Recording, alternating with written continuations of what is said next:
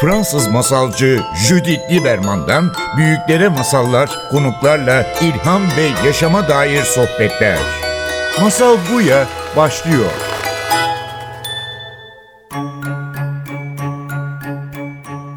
Masal Buya'ya hoş geldiniz. Bugün stüdyomuzda iki tane yazar var. Nermin Yıldırım ve Fuat Sevimay. İkiniz uydurmanın inceliği kitabı için Hakan Biçakçı'nın sorulara cevap verdiniz. O kitap için aslında bir sürü yazar katıldı. Jali Sancak'ta, Mario Levi'da ve aslında bu bir sohbet. Bu bir yazarların arasında bir sohbet. Nasıl kitap yazılırdan ziyade bir kitap aslında biz nasıl uydururuz yani bu kitap herhangi bir kural herhangi bir öyle yapılır demeye iddiası yok ama burada bir soru işaretleri var bir sürü sorular var ve beraber bir sürü yazarlar bir araya gelip bu konular düşündü. Biz nasıl uyduruyoruz? Hoş geldiniz. Hoş, Hoş bulduk. bulduk. Teşekkürler. Evet. Ve ilk önce tabii ki bizim programımızda uydurmak dediğimiz zaman ilk aklımıza gelen tabii ki masallar, masalcılar, e, bizim kadın uydurukçular. O yüzden merak ettim. İlk bir soru, kitapta sorulmayan bir soruyla başlamak isterim. E, ikinizin aslında masalla bir geçmişi var mı? Çocukken masal dinlediniz mi? Var mı hala hatırladığınız masallar mı? Ve varsa masal dinlemiş olmak ya da dinlememiş olmak sizi yazar olarak etkilemiş mi? Çocukken masal dinledim ama hatırlamıyorum mesela dinlediğim masalları. Fakat çocukken uydurduğum masalları hatırlıyorum. Bir kendi kendime uydurduğum masalları zaten benim yazmaya başlamam da böyle oldu. Yani kendi kendime arkadaşlar uydurmak için aslında yazmaya başladım en nihayetinde küçük hikayeler yazmaya başladım. Sonra biraz daha büyüdükten sonra da kuzenlerim vardı benden daha küçük. Onlara masal uydurmaya başladım. Yani masal e, hala da uydurduğum bir şeydir sıklıkla masal. Çünkü benim hafızamda çok böyle okuduğum masallardan e, yani en azından başı sonu belli pek kalmamıştır. Ben ya araları uydururum ya hepsini uydurmak daha kolayıma gelir yani. Peki sen Fuat? Ben şey Pamuk Prenses'e aşıktım ben. Hani dinlememiş olabilir miyim? Bir de şey Nermin'e e, uydurmuşlar. Kendisi uydurmuş. Ben kendi çocuklarıma masal uyduran klasik e, babalardan biriyim. Ya bir de ben mesela şeyin çok uzun zaman ayırdığına varamadım işte o bildiğimiz masalları işte La Fontaine'ler, Andersen'ler falan filan dinledik, okuduk ama mesela ben 80 günde devri alemi e, benzer bir sürü kitabı işte Robinson Crusoe'yi falan da masal zannediyordum. E, ki hatta belki de masal. Hatta bizim yazdıklarımız bile halen evet. masal. Evet o bilindik masalları tabii ki hepimiz dinledik. E, sonrakileri de ben hep masal tadında dinlemeye devam ettim galiba. Tabii ki yani aslında çok ince bir çizgi. Kimisi yani çocuk edebiyat masal varsayıyor. Ben de bu konuda şey e, düşünmeyi seviyorum. Masal dediğimde ben e, anonim kadın hmm. olarak sözlü kültüründen gelmiş ve sonradan yazılmış metinleri görmeyi düşünüyorum. Çünkü Pamuk Prenses ilginç bir şekilde yazılmadan önce yüzyıllar evet. boyunca kulaktan kulağa ve okumayan büyük bir ihtimalle en çok kadınların tarafında, büyük bir ihtimalle en çok köylülerin tarafında anlatılmış metinler. O yüzden biraz yazmak tabii ki yani bir şehir sanatı, bir okumuş insan sanatı ve uzun zaman bir erkek sanatıydı. Oysa ki masal böyle köylü teyzelerin de yaptığı hmm. bir şey. Orada böyle hafif bir çizgi var tabii ki ama çizgi çok ince. Yani masallar romanlara girdi. Romanlar nerede başlar, masalımsı. nerede biter? Evet. Evet, evet. Şimdi bu kitabın adı Uydurmanın incelikleri. Yani uydurmak kelimesi çok sevdiğim bir kelime. Aynı zamanda bazen biraz negatif gelen bir kelime. Yani bir oyunbazlık var içinde. Uydurmak sizin için nedir?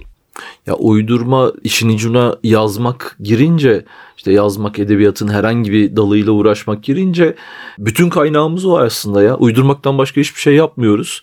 Bana da hiçbir zaman e, o hani negatif anlamı anlıyorum, hissediyorum. Bana o his geçmiyor. Bana hiçbir zaman uydurma böyle olumsuz bir şeymiş gibi gelmedi. Sadece edebiyat adına değil. Uydurma biraz böyle kenarından işte yalan söyleme falan filanı çağrıştırıyor olabilir ama iş edebiyata geçtiğinde evet güzel yalanlar söylüyoruz. Bazen hayattan kaçmak için, bazen hayatı anlamak için için e, ben uydurmaya hep oradan baktım. Kitaptaki sorular da hep oradan aktı sanki. Hepimizin işte farklı farklı cevapları, meseleyi farklı yerden ele alışları var. Ama dönüp dolaşıp ortak buluştuğumuz belki tek nokta varsa da ya uydurmaktan çok keyif alıyoruz hepimiz. E, ben kitabı e, okuduğum zaman öyle bir şeye vardım. Öyle bir hisse vardım ve şey dedim kendi. Aa yalnız değilmişim ya. iyi, iyi güzel. Buradan devam et. Harika.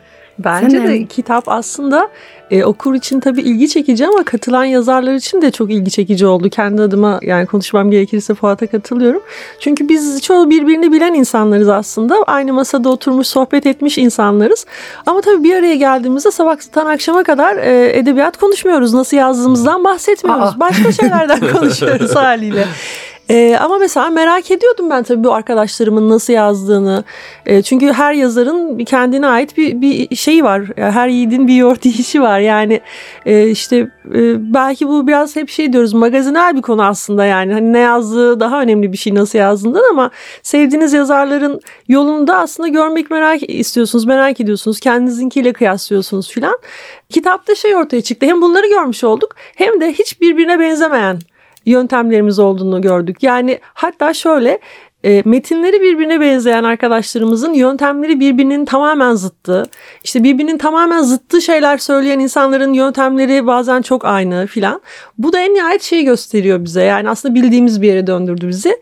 E, uydurmak dediğiniz şey tabii kendi içinde bir matematiği var yazmanın ama en nihayet böyle kurallara bağlanabilecek bir iş asla değil. Herkesin kendine ait bir uydurma yöntemi var. Bu kitapta e, hepimizinkini okuyup öğrenip sonra unutup öğrendiğimiz her şeyi kendi yöntemimizi uydurmak üzere aslında belki inşa olmuş bir kitap. Uydurukçuların uydurduğu yöntemle uydurduğu hikayeler oluyor yani.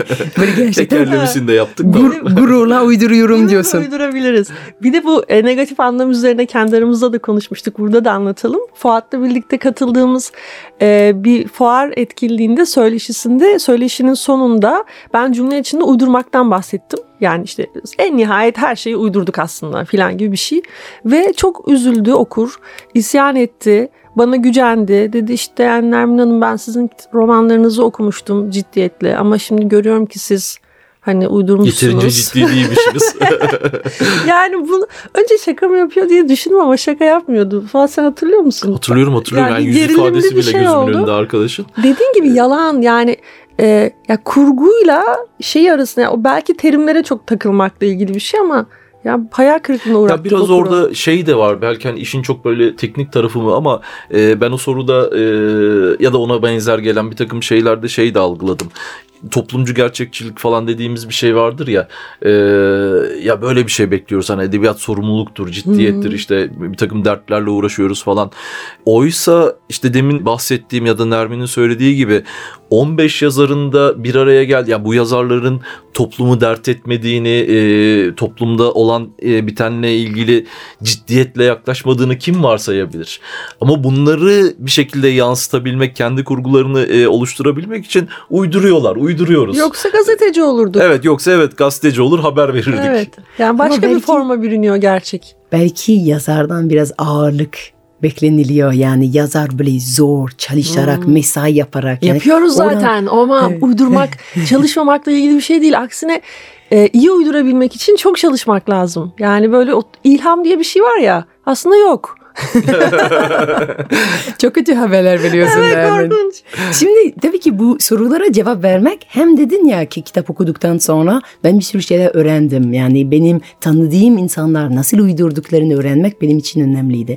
Ama aynı zamanda tahmin ederim ki sorular güzel yani. Bu kitapta yani belli ki çok ince yani güzel sorular. Onlara cevap vermek sizin için herhalde ilginç bir egzersiz olmuştur. Yani Hakan'a- sizin nasıl yazdığınıza bir farkındalık kattı mı? Yani cevap verirken kendinizle ilgili öğrendiğiniz bir şey oldu mu? Fark ettiğiniz bir şey oldu mu? hem kendimle ilgili öğrendiğim şeyler oldu. Hem de mesela şey de enteresan. Kitaptan sonra işte söyleşi serilerimiz oldu. Diğer arkadaşlarla bir araya geldik. Orada mesela enteresan son bizim katıldığımız e, işte Hakan Bıçakçı sağ olsun kitabı derleyen soruları derleyen arkadaşımız e, Yavuz ikinci arkadaşımız vardı. Üçümüz deminki mesela ilham meselesini konuşurken ben tekrar şeyi fark ettim ve çok hoşuma gitti. Hani kendi yazma sürecinle ilgili fark ettiğim bir şey var mı diye. İlham var, minicik var. Nermin'e muhalefet olmasın diye söyle. E, o hani geldiği an var. Ee, bir, bir şey oluyor. Ama onun gelmesi için öncesinde insanın çok duyarlı olması lazım. Çok kafa yoruyor, bir şeyleri anlamaya çalışıyor olması lazım. O çabayı gösterirsen ilham sana kıyak geçebiliyor. Tamam sen evet hani bu kadar patlattın kafanı. Dur ben de gelivereyim bari e, diyor.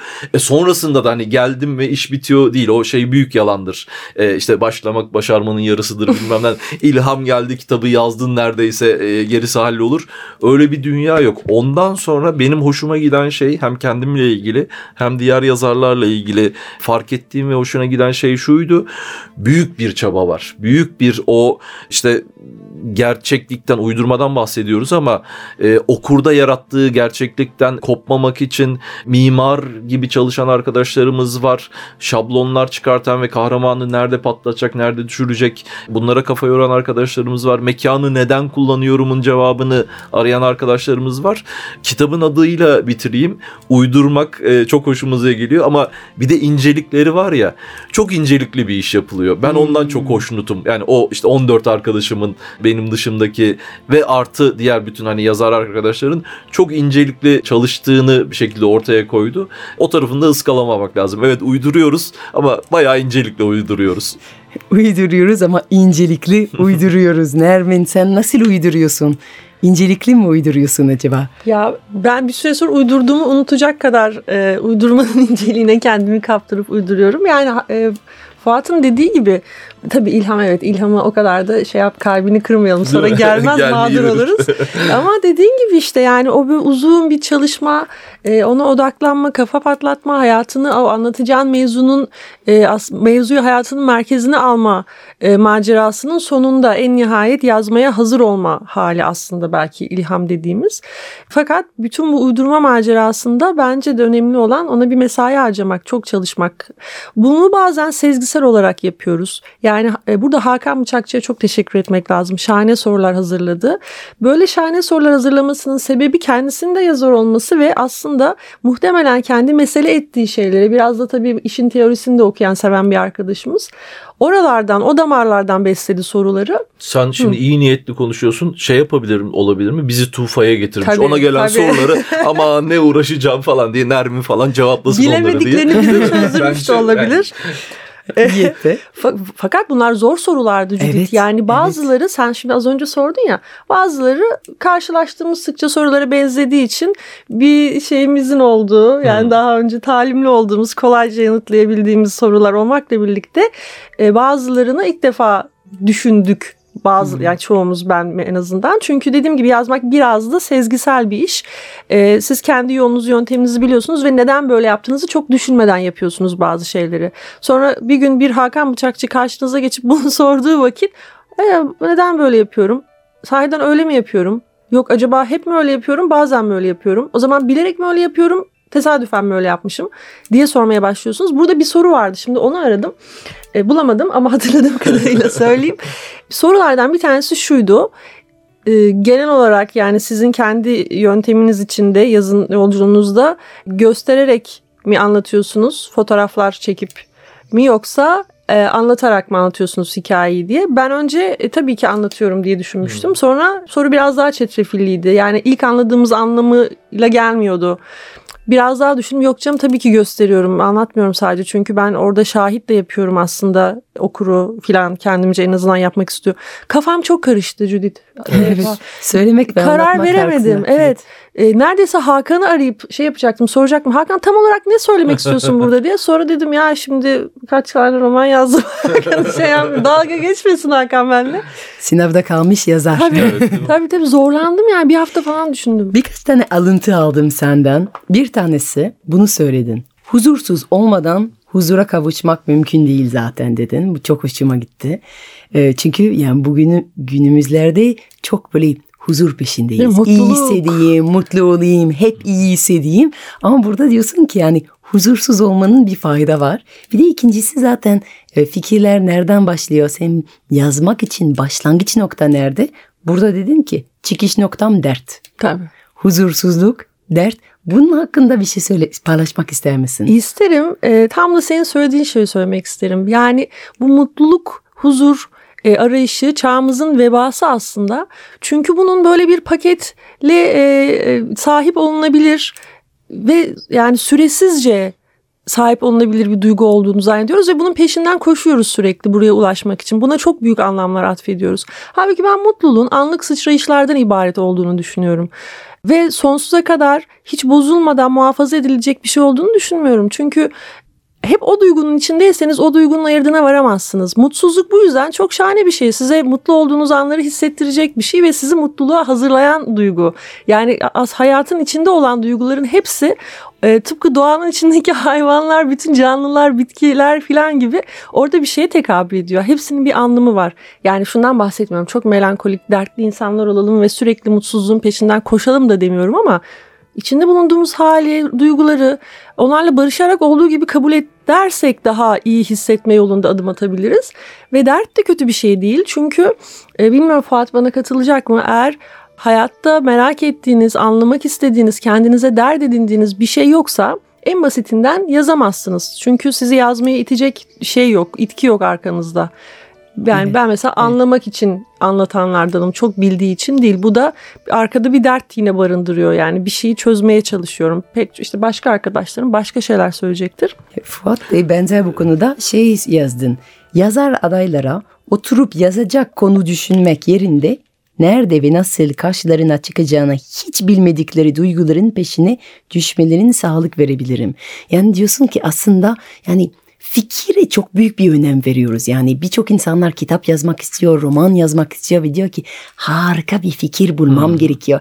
Ve sen dedin ki aslında duygu başlangıç evet. noktası ve yani nasıl düşeriz? İlginç duyguların peşinde. Yani bu ilginç bir maceraya davet bence senin burada yaptığın şey. Ya çok öyle Judith hani şey beni çok mesela rahatsız etmiştir. Kendi yazdıklarımda işte ya da e, işte yazmaya başladığım e, günden bugüne geçen zamanda mesela bazen şey gelir işte bir derleme kitap olacaktır işte şu konuyla ilgili bir öykü yazar mısın ya da işte toplumda şöyle bir sorun var işte başlık bu işçi sorunu, kadın sorunu, işte e, LGBT sorunu, doğa sorunu falan filan bununla ilgili bir şey yazar mısın? Ben hep tıkandığımı hissetmişimdir. Aman bu konuda bir fikir bulayım, çok böyle enteresan e, işte e, patlatayım falan filan dediğim zaman ben kendi adıma tıkanırım. Bazısı da çok rahat hareket edebilir.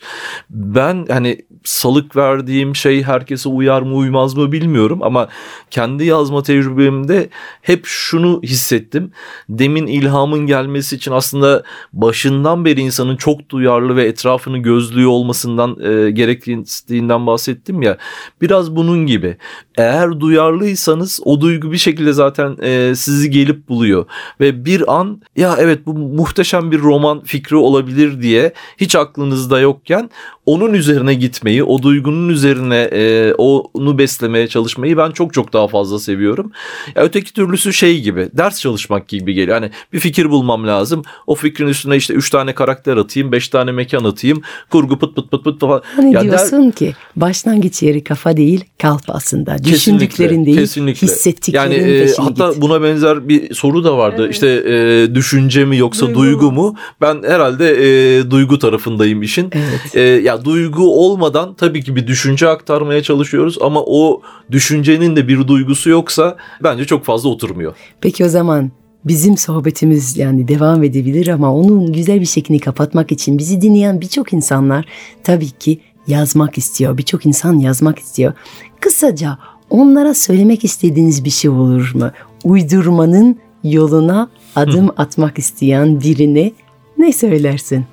Sen söyle bir şey. Ya ben e, kitapta e, söylediğim belki hani şey gibi böyle marifet sergilemiş olmak gibi değil ama e, ya bir sürü şeye cevap verdim. Çok güzel bir kitap oldu ama sadece bunu söylemiş olmak bile beni çok mutlu etti diyebileceğim bir cümleyi tekrar edeyim. Başka yerlerde de çok söylediğim bir cümle.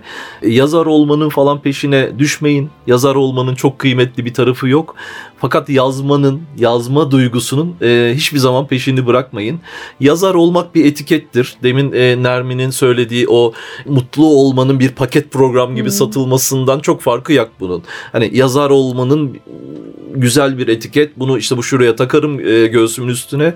E, buradan da mutlu olurum gibi bir anlayış var. Hiçbir yere götürmez sizi. Fakat yazmanın büyüsü, o uydurmanın büyüsü o kadar güzel ki dertlerinizle, anlayamadığınız şeylerle, duygularla yüzleşmek yazmanın peşinden devam ederseniz sizi bir şekilde yazarlığa götürebilir. Ben bunu e, tekrarlamak Çok isterim. teşekkür ederim. Ya sen Nermin var mı? Ee, ben de yani çok tabii katılıyorum Fuat. Yazarlıkta bir numara yok ama yazmak şahane gerçekten. Ve e, yani işte bu yayınlatma yayınlatmama hadisesine yazar adayı arkadaşlarımız çok takılıyor olabilirler. Bazen zor yazdıkları şeyleri yayıncılara ulaştırmak, dergilere ulaştırmak. Buna çok takılmamalarını, yazmaya devam etmelerini, bizleri de yani başta bizler olmak üzere kimseyi çok dinlememelerini, kalplerini, kendi isteklerini dinleyerek yazmalarını öneririm. E, belki de hatta belki değil bütün kalbimle inanıyorum. E, dünyanın en güzel romanı henüz basılmadı bile belki. Belki bir yayıncının masasında göz ardı edildi, çekmecesinde unutuldu ya da oraya henüz gönderilmedi. Ama bu onun dünyanın en güzel dosyası olduğu gerçeğini değiştirmiyor. Onun için etraftaki diğer değişkenleri çok da önemsemeden yazmaya devam etsinler. Çok teşekkür ederim. Nermin Yıldırım senin son kitabın Dokunmadan. Fuat senin son kitabın Anarşik değil mi? Evet. Tekrar herkese hep kitapta bulabiliyoruz. Çok teşekkür ederim katıldığınız için. Biz teşekkür, Biz teşekkür ederiz. ederiz.